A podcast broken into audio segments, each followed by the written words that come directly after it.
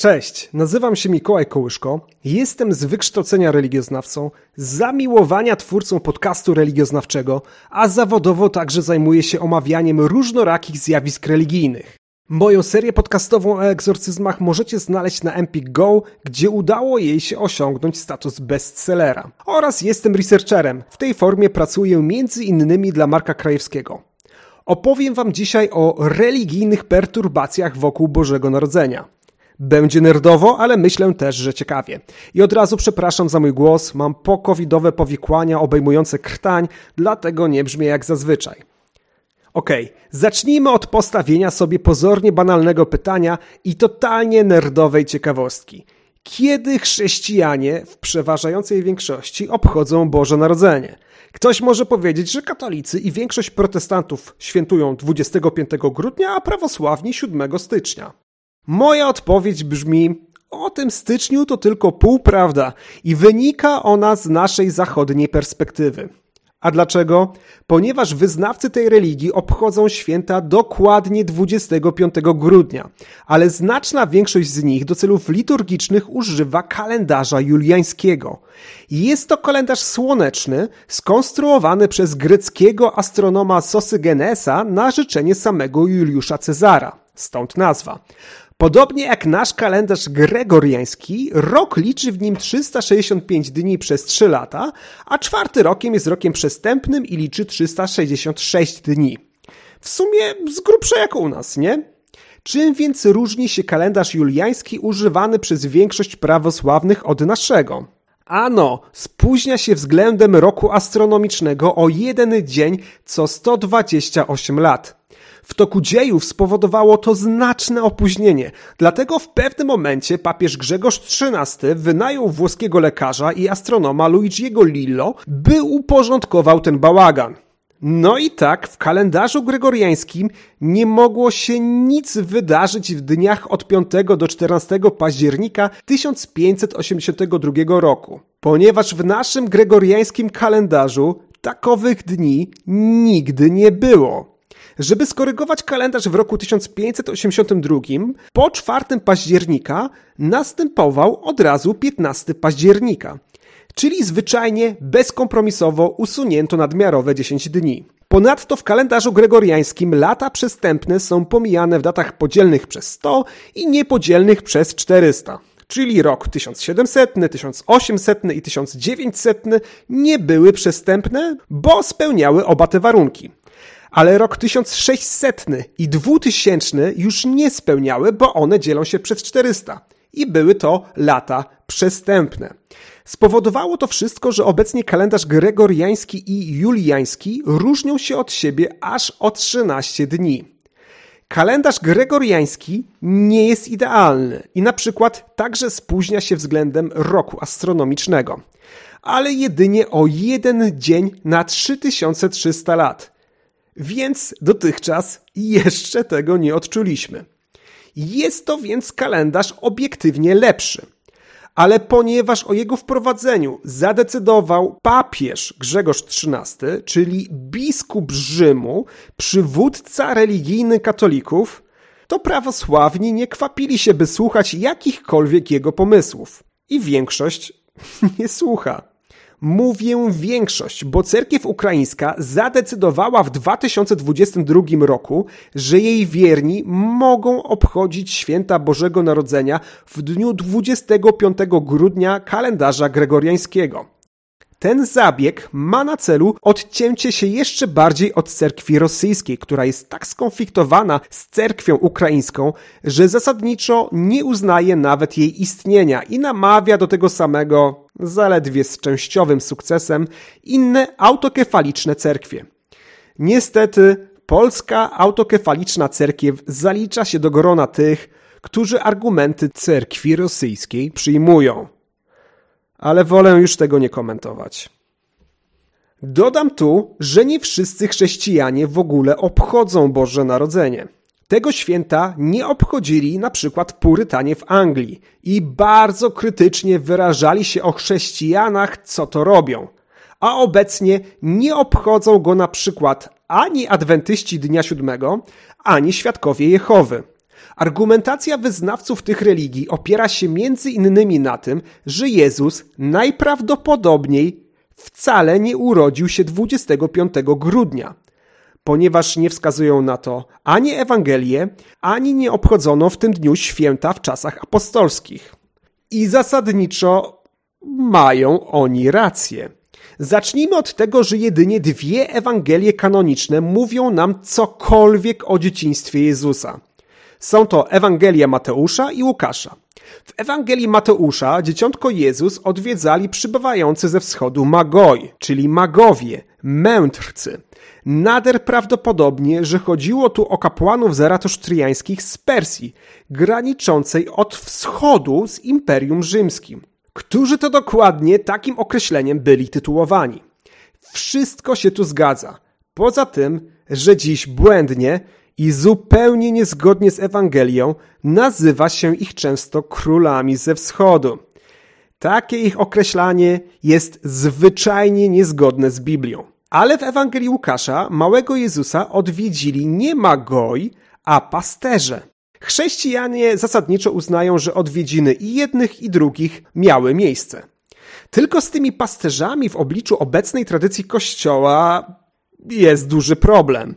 I to znacznie większy niż z Magoi. Bo w Ewangelii Łukasza czytamy, że do tych pasterzy przemówił anioł, gdy przebywali oni w polu, trzymając straż nocną nad swoją trzodą owiec. Otóż owce zasadniczo wypasa się w okresie od wiosny do jesieni, a zimą przebywają one w stajniach i jedzą zgromadzone siano. Jakim więc cudem anioł mógł spotkać na polu pasterzy stróżujących przy owcach w dniu przesilenia zimowego?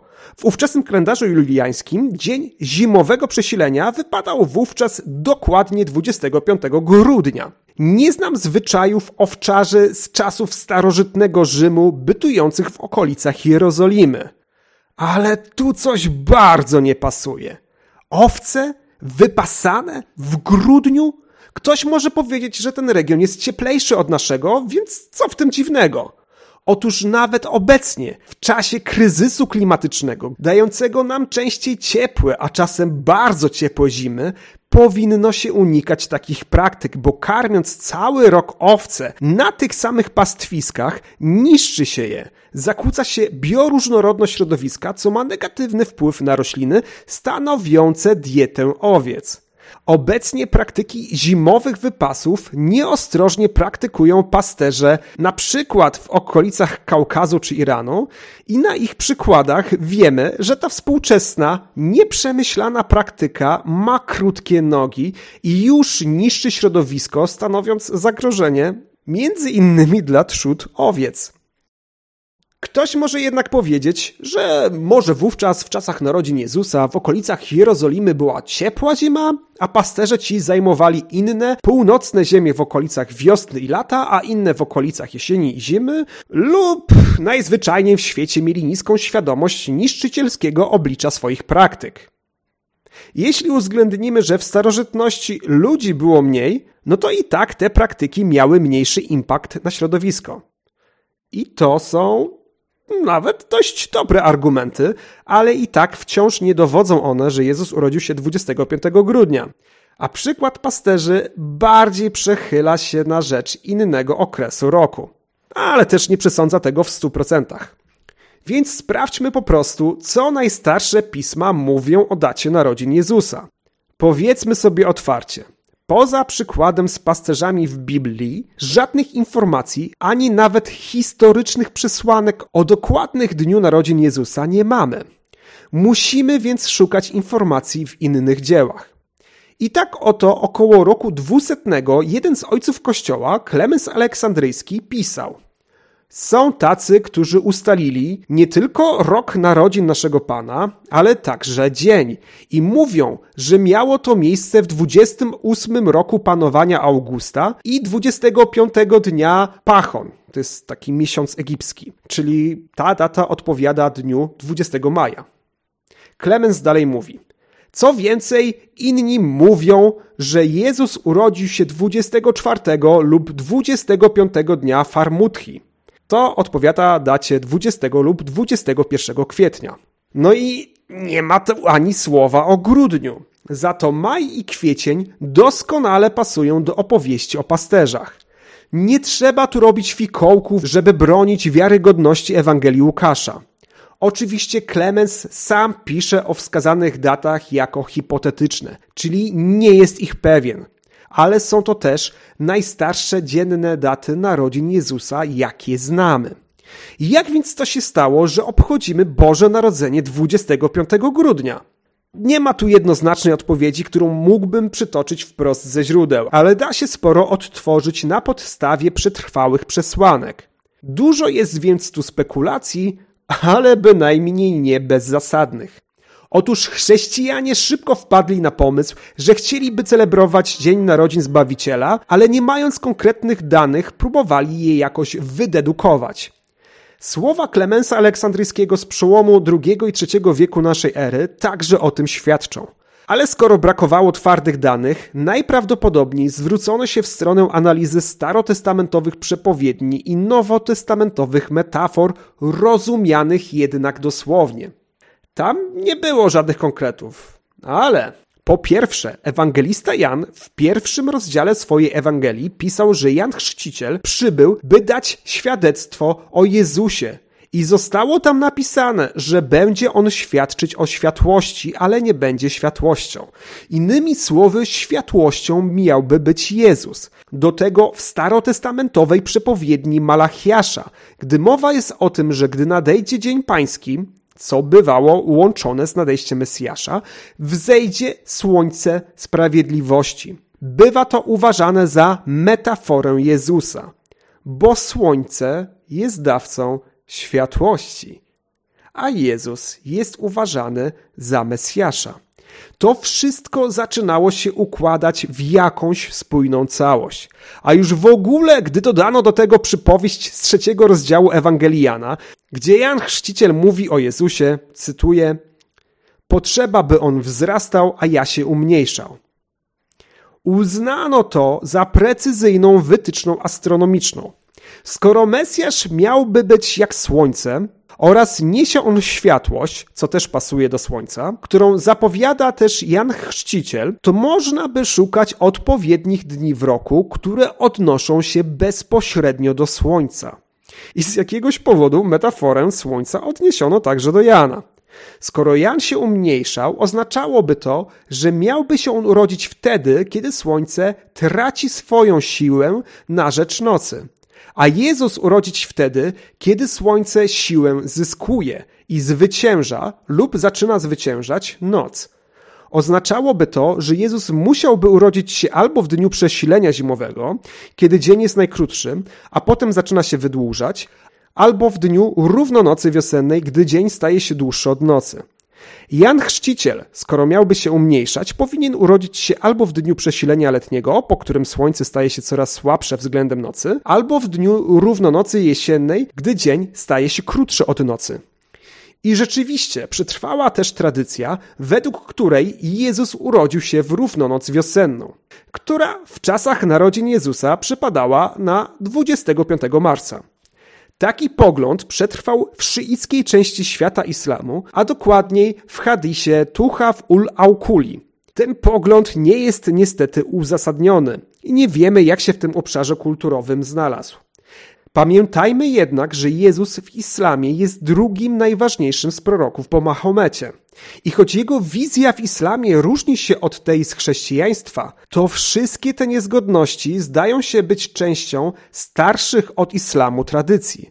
Na przykład ożywiane przez Jezusa ptaszki ulepione z gliny, wspomniane w Koranie, pojawiają się wcześniej w apokryficznej Ewangelii dzieciństwa według Tomasza. A to, że Jezus nie umarł na krzyżu, tylko ludziom się tak zdawało, informacja również zawarta w Koranie, zdaje się pochodzić od nauk gnostyka Bazylidesa, żyjącego na przełomie I i II wieku.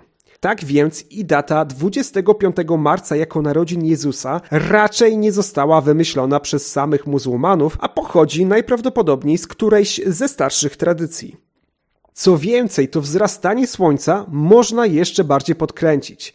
Mianowicie wystarczy, że nie narodziny, ale stworzenie Jezusa jako człowieka, czyli moment jego poczęcia, wypadałby właśnie 25 marca. Po tej dacie słońce wzrasta, bo dni stają się coraz dłuższe i są dłuższe od nocy, a narodziny Jezusa będą wówczas wypadać 25 grudnia, kiedy słońce zaczyna wygrywać z ciemnością. Bo dni przestają być krótsze, a stają się coraz dłuższe. Nie da się tych dat zamienić, by uzyskać podobny wynik. Kiedy więc w 202 roku Sextus Juliusz Afrykański napisał, że poczęcie Jezusa, którego symbolizuje słońce, wypadało 25 marca, prawdopodobnie prognozował też on datę narodzin Zbawiciela. Choć tego Sextus już nie napisał, to naturalnie należałoby uznać, że narodziny Jezusa przypadną 9 miesięcy po poczęciu. A więc najprawdopodobniej 25 grudnia. Dodam jeszcze, że koncepcje różnych dat narodzin Jezusa mogły w pierwszych wiekach chrześcijaństwa istnieć obok siebie równorzędnie. Ale w IV wieku, a dokładniej w roku 350, papież Juliusz I arbitralnie uznał, że właściwą datą na celebrację narodzin jest 25 grudnia. Czemu spośród wielu propozycji wybrał ją, a nie 25 marca, 21 kwietnia czy 20 maja?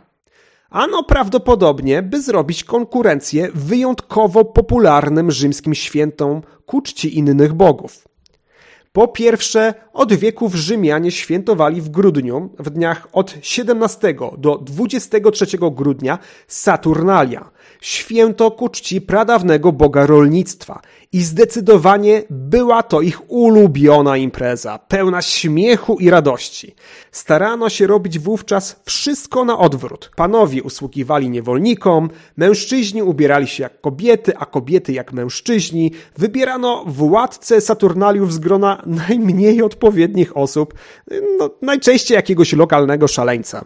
Wystawiano publiczne uczty i dawano sobie prezenty prezenty niespodzianki w formie dzbanów, w których najczęściej było coś zabawnego. W odległych czasach składano wówczas także ludzką ofiarę, najpewniej ze wspomnianego króla Saturnaliów. Ale w epoce Chrystusa i czasach późniejszych było to już tylko mgliste wspomnienie. Wówczas stawiano na obchodzenie tego święta jedynie w nastroju radości i zabawy.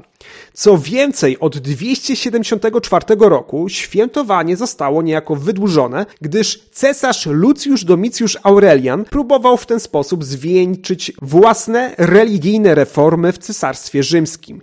Mianowicie za głównego boga uznawał on słońce niezwyciężone, czyli Sol Invictus, Innymi słowy importowanego z okolic Persji boga Mitre, który wówczas w cesarstwie rzymskim robił prawdziwą karierę. Według cesarza Lucjusza Domicjusza Aureliana to właśnie słońce niezwyciężone, Sol Invictus, było prawdziwym bogiem cesarstwa rzymskiego.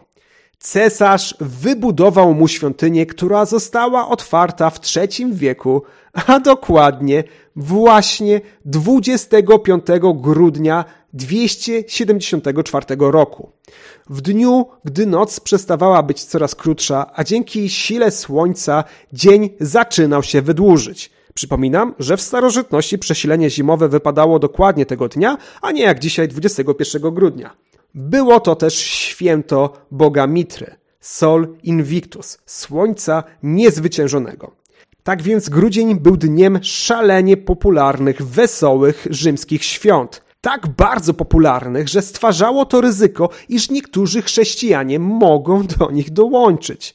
Wszyscy w końcu lubimy śmiech, zabawę, prezenty, a i wielu ucztowaniem nie wzgarci. To oczywiście było zakazane w kościele i groziło ekskomuniką. Ale że w Saturnalia Rzymianie się przebierali, to pokusa wzięcia udziału w imprezach incognito była jeszcze większa. Tym bardziej, że no, z drugiej strony nieuczestniczenie w jakby nie było religijnych świętach państwowych było źle widziane i presja na to uczestnictwo w publicznych obrzędach była z pewnością duża. Trzeba było więc jakoś od tej pokusy chrześcijan oderwać. Co więcej, mitraizm, czyli kult boga Mitry, wspomnianego Sol Invictus, rywalizował z chrześcijaństwem o wpływy. I wydawało się, że może wygrać. W końcu jego wyznawcy nie byli prześladowani w Cesarstwie Rzymskim, no a chrześcijanie bywali. Sugeruje to, że walka o wpływy mogła być bardzo zacięta.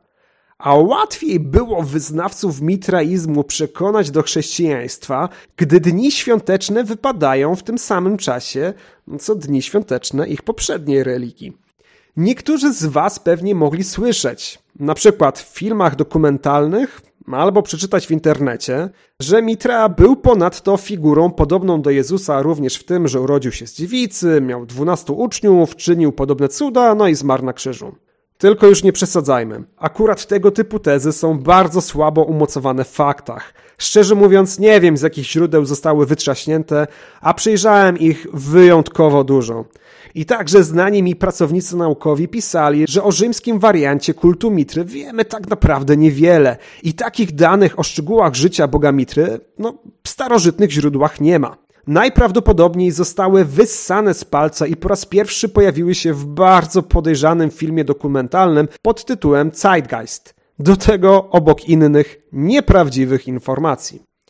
Nie oznacza to jednak, że kult Mitry nie był zastępowany chrześcijaństwem także metodą poszukiwania wspólnych elementów. I tak oto, na przykład, Bazylika Świętego Klemensa w Rzymie powstała w miejscu świątyni Boga Mitry, czyli w miejscu kultu Sol Invictus. Dzień narodzin Mitry i ustalony odgórnie wydumany dzień narodzin Jezusa były dokładnie takie same, 25 grudnia. Tym prostym trikiem chrześcijanie mogli bardziej się integrować w okresie, gdy groziły im pokusy uczestniczenia w festiwalach tzw. Tak pogańskich bogów. A przejście na chrześcijaństwo było łatwiejsze, gdy pewne rytuały, jak świętowanie w określonym dniu roku, zostały zachowane. Rywalizowanie tych kultów nie jest moim wymysłem. Mocnym dowodem na jego istnienie są pisma niektórych ojców Kościoła, na przykład świętego Jana Chryzostoma. Pisał, cytuję, Nasz Pan także rodzi się w miesiącu grudniu, ósmego dnia przed początkiem stycznia, czyli 25 grudnia. Ale oni, poganie, nazywają to narodzinami niezwyciężonego, czyli narodzinami Sol Invictus, Boga Mitry. Tylko kto rzeczywiście jest tak niezwyciężony jak nasz Pan, Jezus? lub jeśli mówią, że są urodziny Słońca, możemy powiedzieć, to On, Jezus, jest Słońcem Sprawiedliwości. Co więcej, w XII wieku syryjski biskup kościoła jakobickiego Dionizy Bar Salibi powiedział wprost, cytuję, Poganie mieli zwyczaj świętować tego samego dnia, to jest 25 grudnia, urodziny Słońca, podczas którego na znak święta zapalali światła. W tych uroczystościach i hulankach uczestniczyli także chrześcijanie. Dlatego też, gdy doktorzy kościoła spostrzegli, że chrześcijanie skłaniają się do tego święta, debatowali nad tym, co zrobić i postanowili, że w tym dniu powinno się obchodzić prawdziwe Boże Narodzenie. Przy tym wszystkim muszę jeszcze zauważyć pewną niezwykłą teorię, która bazując na Ewangelii Łukasza, tej od której zaczęliśmy negowanie 25 grudnia jako Dzień Narodzin Jezusa, stara się udowodnić, że właśnie 25 grudnia Jezus rzeczywiście się narodził.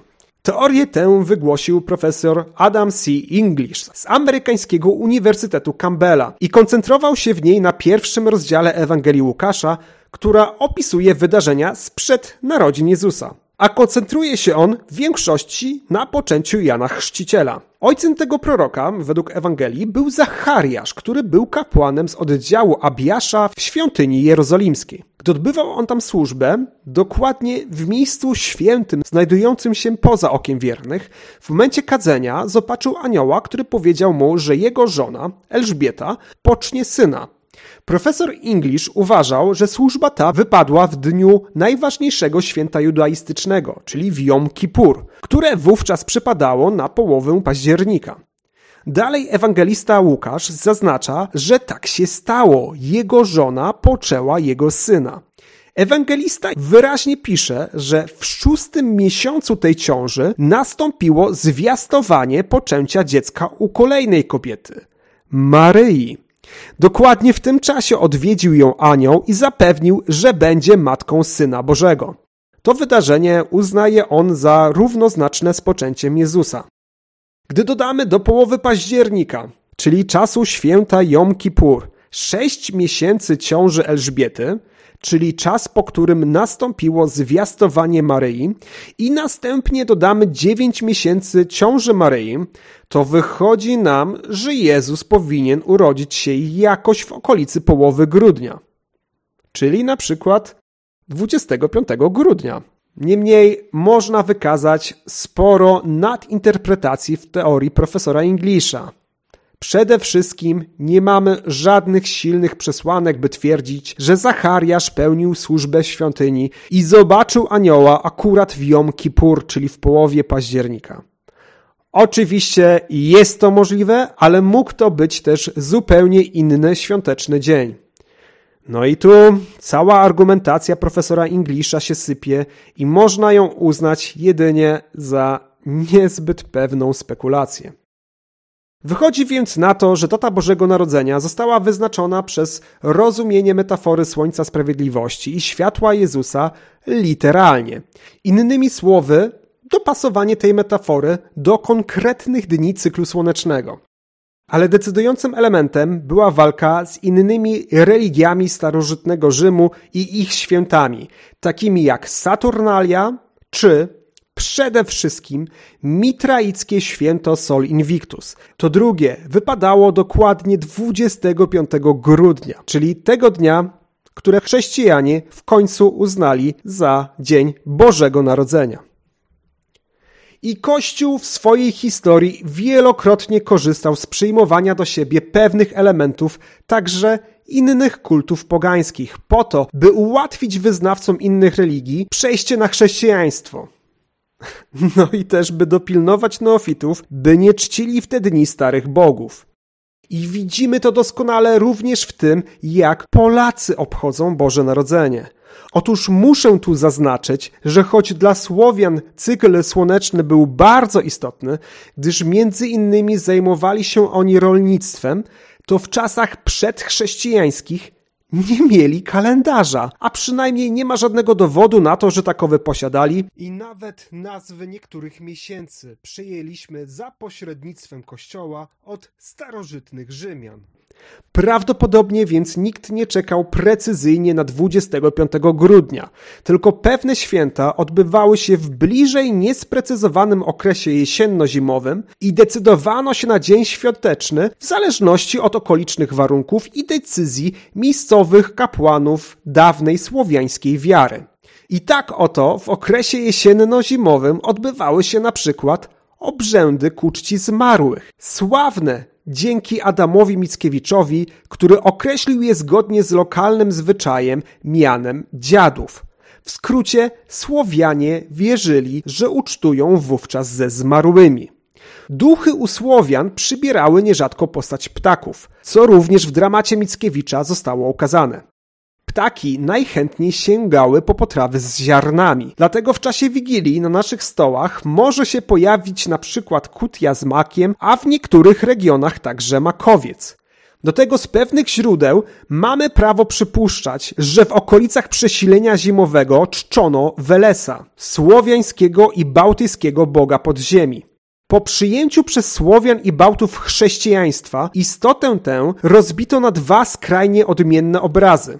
Czasem przedstawiano go jako diabła i do dziś, na przykład w Litwie, na diabły mówi się Welnias, a czasem jako świętego Mikołaja.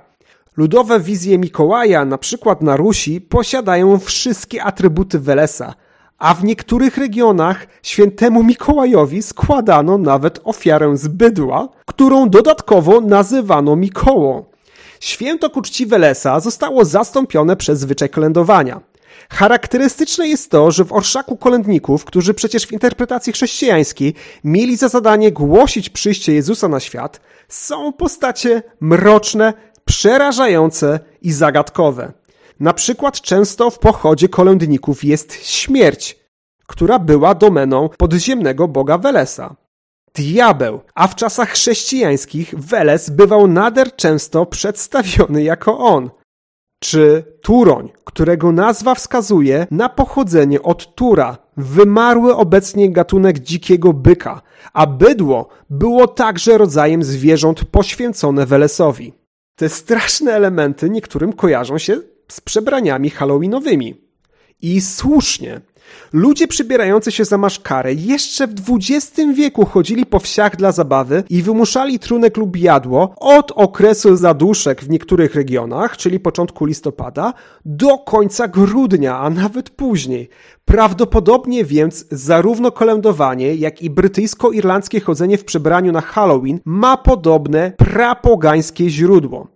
Co jest szczególnie zabawne w zabobonnej walce mniej wykształconych członków Kościoła katolickiego, i mówię tu też o niektórych kapłanach, z zabawą halloweenową, która nie tylko jest podobna do kolędowania, ma najprawdopodobniej wspólne z nim źródło, a do tego osoby te zapominają, że Halloween było katolicką odpowiedzią na pogańskie wierzenie na Wyspach Brytyjskich. I święto to stanowiło część ustanowionego przez angielskich katolików Triduum Wszystkich Świętych, trwającego od 31 października do 2 listopada. Wracając do naszych polskich, słowiańskich zwyczajów. Prawdopodobnie sianko pod obrusem również było ofiarą dla Welesa, bo przypominam, był on też bogiem bydła. Tradycyjne potrawy z darów lasu, czyli dania z grzybów jak zupa grzybowa, także związane były z domeną Welesa. Jedną z jego postaci był Leszy, władca lasów, leśnej zwierzyny, a czasem nawet pasterz wilków. Ale też z drugiej strony czasem współcześni wyznawcy dawnych słowiańskich bogów, mówiąc o tradycjach bożonarodzeniowych, w mojej ocenie mogą przesadzać. Wydaje się, że raczej nie jest prawdą, że strojenie choinki jest zwyczajem pogańskim. To prawda, choinki nie rosły w Judei, gdzie narodził się Jezus. Ale zwyczaj strojenia jej jest poświadczony w źródłach dopiero w okolicach XVI wieku. Dość późno jak na narodziny pogańskiego zwyczaju. Być może coś jest tu na rzeczy, bo pierwsze świadectwa o bożonarodzeniowym przyozdabianiu choinek pochodzą z Niemiec, Prus, Łotwy i Estonii. O ile pierwsze dwa kraje były w XVI wieku raczej konkretnie schrystianizowane, to w zwyczajach ludu Łotwy i Estonii po dziś zachowało się wiele z pogańskich rytuałów. A to dlatego, że chrześcijaństwo zapanowało na ziemiach obejmujących obecnie te kraje wyjątkowo późno. I rzeczywiście, zarówno wśród Prusów i Bałtów drzewa nierzadko były święte. Niemniej, jeśli nawet ma to jakiś związek, to byłby to wtórny powrót elementów przedchrześcijańskich do chrześcijańskiego święta, a nie zaadaptowanie czy na przykład przywłaszczenie pogańskiego zwyczaju przez chrześcijaństwo. Ja wiem, że współcześni słowiańscy rodzimowiercy utrzymują, że przodkinią choinki była podłaźniczka, czyli gałąź drzewa rzekomo przyozdabiana w czasie przesilenia zimowego, ale ta teza nie wydaje się dość mocno osadzona w źródłach. Szczególnie gdy rodzimowiercy argumentują, że ozdabiano tą gałąź również świeczkami. Chciałbym wiedzieć, skąd u nich taka pewność, że świeczki na ziemiach polskich były powszechnie używane przed okresem dominacji chrześcijaństwa. Bo wydaje mi się, że nie były. Bez wątpienia zwyczajem o rodowodzie tak zwanym pogańskim, słowiańskim, jest pozostawienie pustego miejsca przy stole. Niektórzy dziś argumentują, że jest ono dla niespodziewanego wędrowca, który może zapukać do naszych drzwi. Po części, metaforycznie, można powiedzieć, że tkwi w tym ziarnko prawdy, o ile za niespodziewanego wędrowca uznamy zmarłą osobę. Bo nie chodziło w tym zwyczaju o goszczenie żywych ludzi, a duchów. Było to miejsce właśnie dla nich przeznaczone i w wielu regionach Polski do dziś się argumentuje, że jest to miejsce dla tego z naszych krewnych, który umarł w minionym roku. I to jeszcze raz wiąże zwyczaje wigilijne z przedchrześcijańskimi wspólnymi ucztami ze zmarłymi. I takie przemieszanie pogańskich zwyczajów z chrześcijańskimi świętami występuje w większości miejsc na świecie. Libacje były standardowymi elementami czczenia przedchrześcijańskich, indoeuropejskich starych bogów. I na Wyspach Brytyjskich pewne dania i napoje tworzone z obfitym użyciem alkoholu są powszechnie wiązane ze świętami. poncz, Christmas pudding. Swoją drogą, to był kolejny argument dla Purytan, by nie uznawać świąt Bożego Narodzenia i potępiać tych, którzy je obchodzą. Nie tylko za celebrowanie podejrzanie pogańskiego święta, ale i za pijaństwo.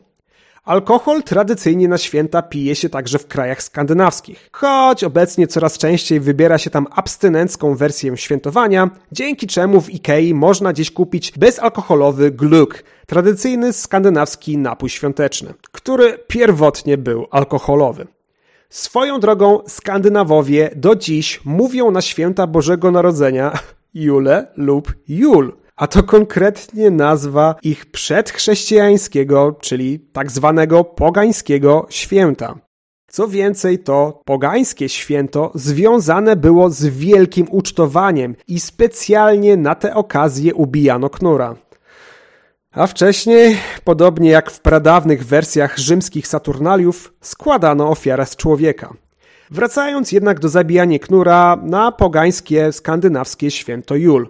Do dziś tradycyjnym daniem bożonarodzeniowym w Skandynawii jest świnia, a szczególnie specjalnie przygotowany świński łeb. No i libacje. Choć jak wspomniałem, powoli zastępuje się to piciem bezalkoholowych odpowiedników tradycyjnych świątecznych trunków. Co więcej, wiemy, że Skandynawowie uważali, że na uczty również przychodzą zmarli, czyli podobnie jak u Słowian i Bałtów. Wiele świadczy o tym, że podobne wyobrażenia były także wśród dawnych Germanów i przetrwały w osobliwy sposób na Wyspach Brytyjskich. W końcu mnóstwo jest opowieści o duchach, które przychodziły w Wigilię Bożego Narodzenia. Zresztą obecnie najsłynniejszą opowieścią związaną z Bożym Narodzeniem po Ewangelii Łukasza i Mateusza jest opowieść wigilijna autorstwa Karola Dickensa. A jej motywem przewodnim jest właśnie przyjście duchów do bohatera tegoż utworu. Na koniec chciałbym Wam tylko powiedzieć, że niezależnie od tego, czy obchodzicie chrześcijańskie Boże Narodzenie, neopogańskie wersje Jul czy Szczodrych Godów, czy świętowaliście niedawno Hanukę, czy buddyjskie święto japońskiego pochodzenia o nazwie Dzień Oświecenia Buddy? Czy czekacie spokojnie na marcowy Ramadan? Czy świętowaliście niedawno hinduskie Gita Jayanti? Czy jeszcze inne święto związane z inną religią? Czy nic nie świętujecie w tym okresie? Chciałbym i tak Wam życzyć wszystkim wesołych świąt i szczęśliwego nowego roku. Nazywam się Mikołaj Kołyszko, jestem twórcą podcastu religioznawczego i dziękuję za zaproszenie do tej audycji.